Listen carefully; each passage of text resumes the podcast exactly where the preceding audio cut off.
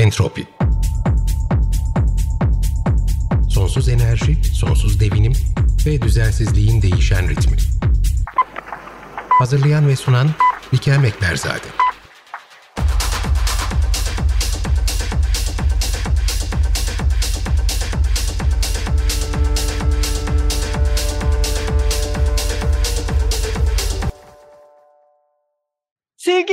Hoş geldin. Bugün konuğumuz e, Murat Demirtaş. E, bazılarınız onu fırınımdan ekmekler e, paylaşımlarıyla da tanıyor e, sosyal medyadan. E, Murat ben seni valla 20 sene 15 sene rahat oldu. E, ama 20'yi buldu mu emin değilim. Ben de senin e, sırt çantanda İstanbul'da ekmek dağıttığın günlerden tanıyorum seni. Çünkü ben de senin müşterilerinden bir tanesiydim. Evet. Hatta sosyal medya üzerinden sipariş verip hiç birbirimizin yüzünü görmeden, fiziksel olarak karşılaşmadan bir kafeden o ekmekleri evet. teslim aldığımı biliyorum. Çok keyifli günlerdi. E, bu arada sen Tire'desin, artık İstanbul'da değilsin. Ben şu anda Milas'tayım. Ara ara böyle internette gitgeller olabiliyor. Bu bizim e, işte gülünü seven dikenine katlanır dijital evet. platform üzerinden kayıt mevzumuz. E, o yüzden orada e, kesintiler olduğu zaman ben sana ufak uyarılar atarım biz senle neden bugün burada beraberiz? Sen aslında çok benim de hoşuma giden bir şey çünkü senin paylaşımlarından da çok fazla şey öğreniyorum. Sağlıklı beslenme konusu yani sağlıklı gıda daha doğrusu ne yiyoruz'a çok kafa yoran e, insanlardan bir tanesisin. Bunu, bunu araştırıyorsun. Zaten e, eğer yanlışsam beni düzelt. Ekmek macerası da biraz aslında oradan çıktı e, ortaya. İlk önce e, bir tam olarak nasıl başladı bu iş? Oradan bir başlayalım dinleyicilerimize. Ondan sonra da tamam. bugün bugün neredeyiz? Oraya bir gelelim bakalım. E, mikrofon sende. Dilediğin gibi dilediğin hızla anlatabilirsin. Hoş geldin. Hoş bulduk. Çok teşekkür ederim davetin için öncelikle. Ee, şimdi nerede başladım? 1993. 1993 yılında pardon 95 yılında Marmara Üniversitesi heykel bölümünü kazandım. Ee, ve orada atölyede bir arkadaş bir radyo açtı. Çok güzel müzik çalıyor, caz çalıyor, işte e, böyle rock çalıyor falan. Böyle çok güzel sohbetler oluyor. Biz bir yandan böyle temel sanatta resim yapıyoruz, çamurla oynuyoruz falan. Ama arkada hep bir radyo var. İşte o radyo e, deneme yayınlarıydı Açık Radyo'nun sanıyorum yanlış hatırlamıyorsam 95 yılı. Ve o gün bugün bizim radyomuz hep açık. Yani her zaman açık olmasa da ara ara böyle uzaklaşsak bile radyomuz açık. Böyle biz açık radyoyu artık böyle bir ansiklopediye benzetiyoruz. İnanılmaz dosyalar ve klasörler halinde e, kocaman bir dünya orası e, ve biz hala içine giremedik. o kadar büyük ki böyle kenarından tırtıklayabiliyoruz sadece. E, çok keyifli gerçekten o tarafta. Şimdi e, heykel kısmına hiç girmeyeyim. Beni hep herkes şey diyebiliyor işte e, ekmek yapan baba falan gibi biliyor. Aslında dediğin e, sadece ekmekle bitmiyor. E, yani ekmek biraz görünen ve insanların e, göstermek istediği tarafı. E, ekmekle birlikte e, ekmeği yapıp sırtında e, çantasıyla yürüyerek ekmeği dağıtan ve e, çocuğun elinden tutan baba figürü ise daha çok göstermek istedikleri ve ilgi çeken bir haber olduğu için şu an belki burada benimle konuşuyorsun. Çünkü işte çocuğuyla birlikte ekmek satıyor şeyi ne diyeyim figürü. İmajı, ima, evet figürü. İmajı, doğru. imajı daha şeydi. E, ilgi planda, çeken, değil evet, mi? E, ön plandaydı. Bu da biraz hatta rahatsız olduğumdan bir dönemde hiç e, çocuğu göstermemeye başladım e, onunla ilgili. Çünkü şey oluyor. Hani yanımda çocuk o hani böyle boynu bükük böyle küçük Emrah falan şeyinde çocukla ekmek satıyor falan. Halbuki hani oraya geldi. Evet, halbuki benim hatırladığım kadarıyla çıkış noktası hiç o değildi ve benim ya, ya ben açıkçası o evet. şekilde algılamadım ama e, sevdiğim kısmı şuydu e, karbon ayak izini minimumda tutmaya çalışarak sen aslında bu ekmekleri dağıtıyordun. Dolayısıyla evet, evet. O, o yüzden de toplu taşımayı kullanıp galiba bisiklet kullandığın yerler de oluyordu. Çok az kullandım. İşte o da bir e, enteresan bir durum. Bir kere ben kullandım. Bir kere de bisiklet kuryeden bir arkadaş dağıtıma geldi ama çok zordu. Fiziksel olarak İstanbul'da bisikletle dağlar tepeler aşmak ve yaklaşık bilirim, 20 bilirim. kilo bisiklet kullanan birisi çok, olarak evet, biliyorum. tahmin ediyorum. E, burada Tire'de çok rahatız. Bisiklet kullanmaya çalışıyoruz. Çocuklar da her yere bisikletle gidiyoruz gerçekten. Ee, bizim için önemli olan tarafı evet şeyde açık radyodan duyduğumuz küresel e, iklim krizi şu anda e, diyoruz.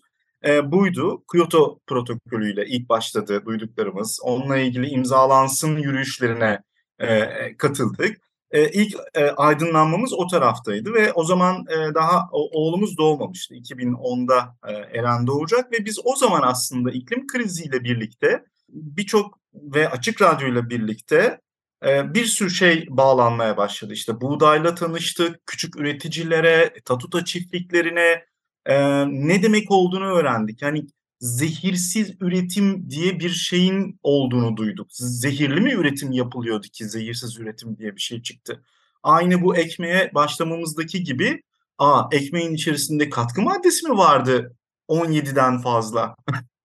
ee, e, ya ondan fazla kesin hani bakan o dönem açıklama yapmıştı. 2013'tü bizim ekmeğe başlamamız. E, e, o e, ekmeğin içerisindeki e, katkı maddelerinden 17'sini çıkaracağız gibi bir şey vardı. Yani neyin bu sadece bahsedilen eğer ekmek dendiyse ekmektir. Ondan önce buğdaya, toprağa, e, depolamaya çok ciddi e, katkı maddeleri giriyor. Tabii. Yani biz e, tüketici olarak hep her şeyi mükemmel görmek istiyoruz. Aynı bir incir fotoğrafı paylaşmıştım e, geçen gün. E, o incirin o haliyle, dalındaki haliyle her an ulaşmak istiyoruz. Halbuki ona o şekilde ulaşmamız için onun bir bedeli var. E, eğer ona öyle, ulaşmak istiyorsanız ya çok iyi şartlarda koruyor olacaksınız. E, yani uygun koşullar olması gerekiyor ki şehir ortamında uyku, çok az bu. E, ya da içerisine e, böcek getirmeyecek bir takım zehirler bırakacaksınız. Ondan sonra da o zehirleri yıkayıp atmaya çalışacaksınız ama hiç atamıyoruz tabii ki. Mesele bizim ekmekte öyle başlamıştı. 2013'te Gerçek Ekmek diye bir e, Slow Food e, İstanbul'da e, fikir sahibi damaklar Defne Kor Yüreğin e, e, yürüttüğü. E, orada ilk defa ben Maya ile tanıştım, Ekşi Maya ile. Böyle bakıştık biz e, Ekşi Maya ile. Aa bu ne? E, hani böyle bir un ve su bir araya gelmiş içinde kabarcıklar var. Evet şimdi ne yapacağım ben diye ve bir hafta sonra öldü o maya. E, çünkü onun canlı bir şey olduğunu ve e, ona bir e, gıda e, vermem gerektiğini anlamadım.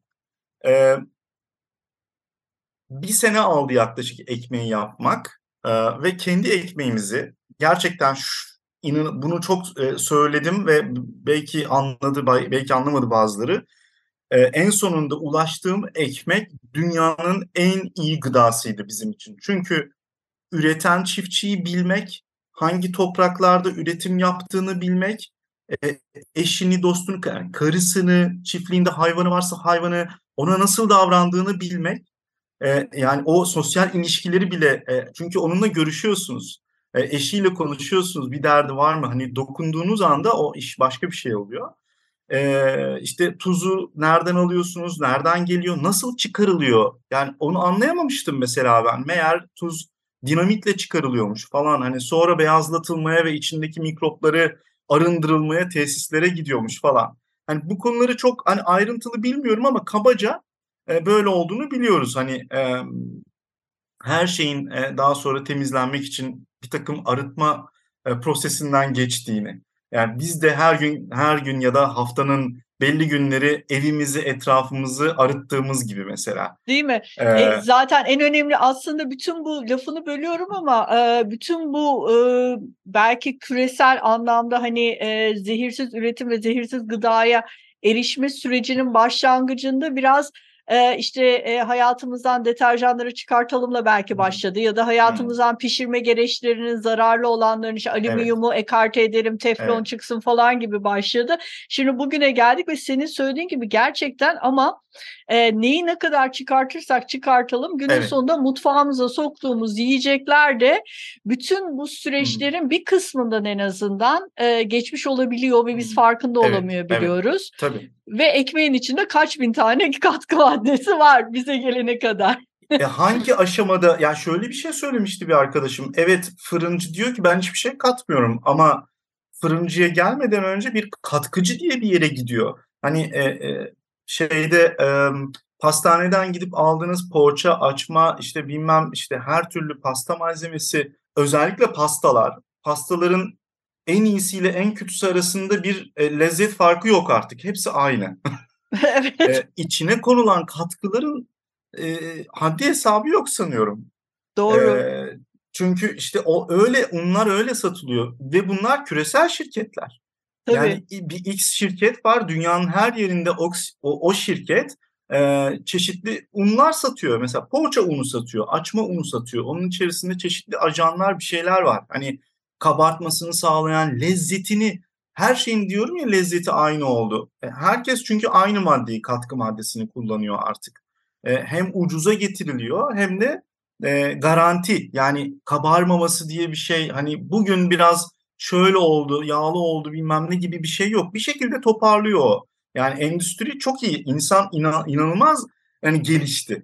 Evet. Ee, gelişti ve ne pahasına gelişti. Şimdi işte iklim krizinden bahsediyoruz. Ee, e, aslında e, bu endüstrinin gelişme aşamasında tabii e, toprağa, dolayısıyla e, çevreye, dolayısıyla iklime, ya yani bunların hepsi bir döngü içerisinde. Geri besleme mekanizmaları da birbirlerine bağlılar e, etkileri de oldu bu süreç zarfında ve günün sonunda geldiğimiz yerde hani iklim krizi diyoruz e, ama aynı zamanda iklim krizinin tetiklediği bir gıda kriziyle de karşı karşıyayız. E, evet. Çünkü kuraklık var e, ondan sonra artık belirli ürünlerin yetişememe olasılığı dahi söz konusu çünkü işte e, ya e, böcek e, istilaları oluyor. Mesela biliyorsun uzun süredir sen de şimdi Tiredesin hele e, domateslerde e, zararlıların e, şeysi çok fazla oldu. Etkisi evet. çok uzun süredir çok fazla oldu ve bizim burada Milas, Milas'ın domatesi de güzeldir. Bayağı yani Antalya kadar olmasa da güzel domates çıkardı aha, buradan. Aha.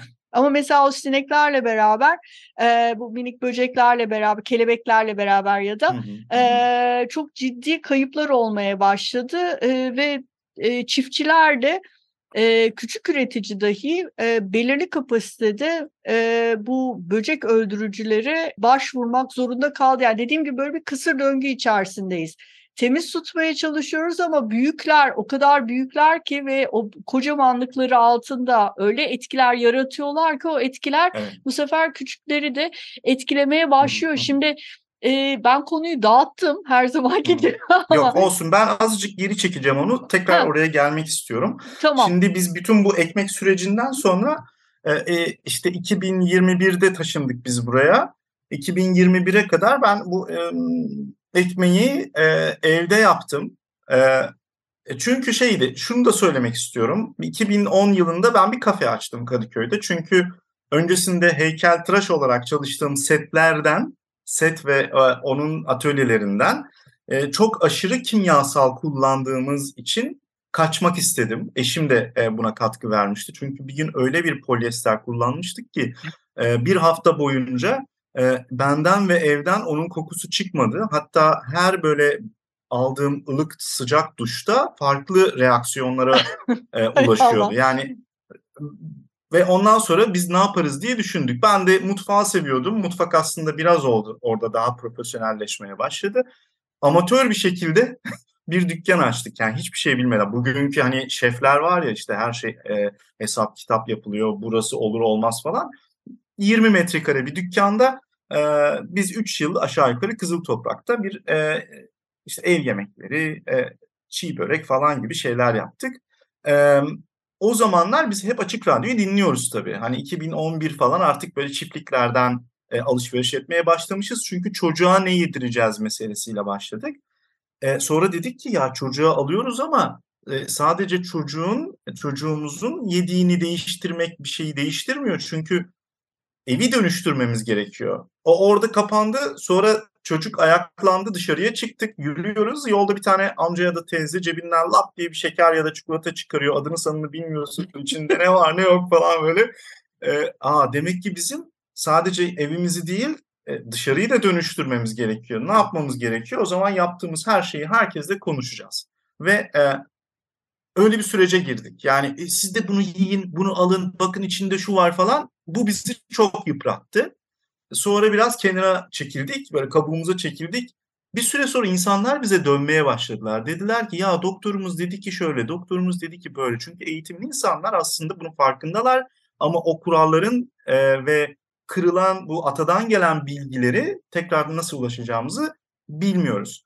E, bize gelmeye başladı insanlar. Doktorlar e, ekşi mayalı ekmek olarak hani gidin bu adamdan ekmek alın demeye başlamış. Yani çok enteresan şeylerle karşılaştık. Orada ben bir şey hatırlıyorum. Hatta e, o dönemde e, e, özellikle bu işte e, bu tarz hani hem e, zehrin içerisinde olduğu ya da katkı maddelerin içerisinde olduğu yiyecekler a, aynı zamanda işte az önce bahsettiğim diğer başka e, kimyasalların e, sürekli çevremizde olması e, ve bunların endokrin sistemine etki etmeleri sonrası e, yaşanan kronik rahatsızlıklarda a, a, yani senin e, bu rahatsızlıklara sahip olan e, e, ve senin ekmeğini e, tüketen e, müşterilerim vardı o zaman. E, yani evet. bir, aslında bir nevi sen e, şey e, doktorluk da yapıyordun. öyle değil yani mi? yok e, aslında doktor. değil. Çok öyle bir şey söylemek istemiyorum. Sonra hemen böyle şey yapılır. Hani e, bunu söyleyen doktorları Dok- bile mahvediyorlar. Tabii tabii. yani tabii, öyle yok, bir şey yok demeyelim. çünkü hani e, şöyle onların söylediğini aktarıyorum. Hani yansıtıyorum diyeyim. E, ama işte bu hipoglisemi e, hastası bir arkadaşım vardı. Hatta annesi de tam tersiydi o e, gliseminin. E, o diyordu ki bana senin ekmeğinle ben e, hayatımı düzene soktum. E, ilaç kullanmayı bıraktım ve sonra kendisi o ekmeği yapmaya başladı. Çünkü atölye veriyordum ben o dönem. O atölyelerden birine katıldı çünkü istediğim o. Ben herkese ekmek yapamam ve ömrüm boyunca da ekmek yapmak istemiyorum. Bunu da söylüyorum. Fırıncı değilim ben. E, ama e, yani dönüşüme el, elimden geldiğince destek e, olmaya çalışırım. O bu şekilde ilaçlarını bıraktı. Çok ciddi hipoglisemi hastasından yani ama şöyle bir şey var. İnsanlar zannediyor ki ben bu ekmeği alırım, yerim, ilacımı da almam, iyileşirim falan. Öyle Yok, de bir tabii, şey değil. Değil. O diyor ki yani çok abartı değil. 2 milim kalınlığında kesiyorum senin ekmeğini incecik ve sabah 2 dilim yiyorum beni normalinden iki saat daha fazla tutuyor. Yani o çok doğru. Yani tüketen de birisi. planlaman gerekiyor. Evet, tüketen evet. birisi olarak biliyorum. Gerçekten çok doğru. Biz de çok ince kesiyorduk. E, çünkü o kadar doyurucu bir ekmek ki ve o kadar tok bir ekmek ki e, yani onun dışında e, zaten bizim bütün kimyamızı bozdu.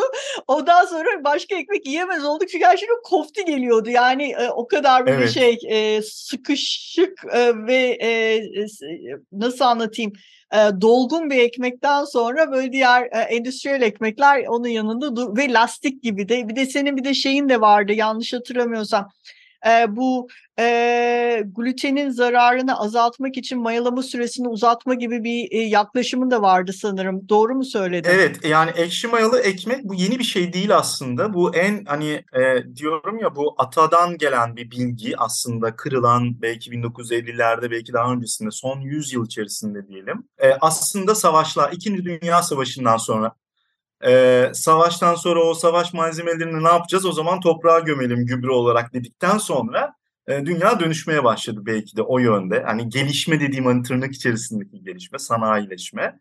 Ee, biz artık merkezi bir yerden yönetilmeye başladık bütün dünyada. Yani Amerikalı bir şirket geliyor diyor ki senin diyor toprağına bu ilacı koyacaksın e, yeşilin üzerine bunu atacaksın. Ondan sonra hasta olacaksın. Hasta olduktan sonra da bunu kullanacaksın falan gibi. Bunu aynı şirket söylüyor. Tabii ee, Big Pharma diyoruz biz ona değil evet. mi? Onların hepsi bütün kimyasallar kontrol ediliyor. Evet yani şu an Türkiye'nin olduğu durum gibi her şey böyle bir yerden kontrol ediliyor. Halbuki aslında pandemide gördük ki öyle tek bir yerden yönetmek olmuyor yani. Yani çıkıp böyle büyük şirketlerin CEO'ları dedi ki e, acilen yerelleşmemiz lazım. Bu inanılmaz bir şeydi. Benim duyduğum yani bir CEO gerçekten büyük bir holdingin CEO'su yerelleşmemiz lazım. Çünkü bir şeyi bir yerden yani e, X e, şey e, market e, lavaş satıyor. Çok ben kendi alanımla ilgili olduğu için o tarafa bakıyorum mesela. Lavaşa bakıyorum nereden geliyor? E, şeyden geliyor. Orta Anadolu'dan bir yerden geliyor Ege'ye. Aa, neden? Burada lavaş mı yapılamıyor ya da burada onun buğdayı mı ekilemiyor? Hayır ekiliyor ama e, her şey o kadar e, şey olmuş, vahşileşmiş durumda ki Tire e, biz şu anda Aydın Dağları'nın üst tarafında küçük e, Menderes Havzası'ndayız. Sen de daha güneyde e, Büyük Menderes'e yakınsın. Evet evet ben tam böyle şey beş parmağın altındayım daha güneyindeyim evet, yani. Evet, biz yukarıdayız yani üstteki havzadayız. Bizim üstümüzde de Manisa'la aramızda dağlar var. Yani e, kabaca şöyle bu ova aslında çok e, şey e, verimli e, ama e, da, çünkü etraftaki dağlardan e, yağan yağmurlarla o ova sürekli besleniyor. E, ama dere yok. E, dere kalmadı. Yani küçük Menderes, büyük Menderes zannediyorum büyük Menderes de yok. Yani kurudu çok aşağıda. Ne yapıyorlar? Burada e, hayvancılık çok e, ilerlemiş durumda. Yani aslında az önce bahsettiğimiz karbon meselesine de geleceğimiz taraf bu kapalı e, fabrika hayvancılığı mı denir buna artık bilmiyorum. E, hayvanları işte bir yerde besleyip e, onların e, artıklarını da bir havuzda dışarıda biriktirip e, onu yok etmek üzerine bir şeyleri var. Yani dolayısıyla bu karbonu toprağa gömmüyoruz artık. Yani bütüncül olan yönetimde şey yapılıyor. E, e, hayvanlar e, otluyorlar ve dışkılarını aynı yere bırakıyorlar. Yani çişini kakasını aynı yere bırakıyor. O tekrar dönüşüyor, tekrar ot oluyor. Ama bu e, alıyoruz fabrikanın içine bir beton bir alana yerleştiriyoruz. Orada işte yiyorlar, içiyorlar ve her şey orada bir çöp haline geliyor. E, yediği gıda da e, bu ovada e, eskiden çok çeşitli belki şeyler ekilirken şu anda sadece silaj için mısır ekiliyor. Mısır ekiliyor. Senin... Aynı şey aynı şey bizim evet. Milas'ta e, söz konusu. Evet, senede iki kere bir de. Evet. Yani evet. vahşi bir sulama var. Sabah akşam sulanıyor. Pompalarla de, şeyden yer altından su çekiliyor. Senede iki kere e, mısır ekiliyor e, ve onlar e, büyük beyaz paketler yapılır. Arabalarla geçildiğinde yollarda görürsünüz. Evet. E, çiftliklerin etrafında bunlar turşu denir. Hani şey vardır ya e, e, tarım yapanlar böyle serada falan özellikle Kumluca'da e, serada tarım yapanlar bir de kendilerine ayrıca bahçe yaparlar. Seranın içerisindeki çünkü o kadar başka başka şeyler girer ki kendilerine bir şey yapmazlar sözde. Hani onu oradan yerler. Şu anda burada da böyle bir şey var. Yani silajı mesela silaj yemiş hayvanı sevmiyorlar buralılar. aslında mera var, küçük hayvancılık burada var, yapılabilir ama çok maliyetli. Çok. çoban yok. göçmenler geliyor. Yani göçmenler dediğim bugün işte şeyden Afganistan'dan, Suriye'den geliyorlar. çok zor şartlarda çalışıyorlar kaçaklar çoğu e, ve sürekli yer değiştiriyorlar. E, yani gerçekten zor bir hayat onlarınki de. E, ama e, Türkiye'de hani bir Türkiye'li çoban şeyi yok. Yani Türkiye'li bir çoban bulamıyorsunuz. E, çünkü zor geliyor artık böyle gece zor gündüz geliyor. hayvan şey yapmak, önüne koymak daha iyi. Şimdi burada bir virgül koyalım. Ee, Murat Hı. bu haftaki süremizin sonuna geldik ama biz seninle sohbetimize şu an devam edeceğiz. Ee, tamam. Onu da e, dinleyicilerimize iki hafta sonraki bölümde paylaşacağız. Hı hı. Ee, ama bugünlük e, dinleyicilerimize veda edelim. İki hafta sonra efendim Entropide tekrardan buluşmak üzere.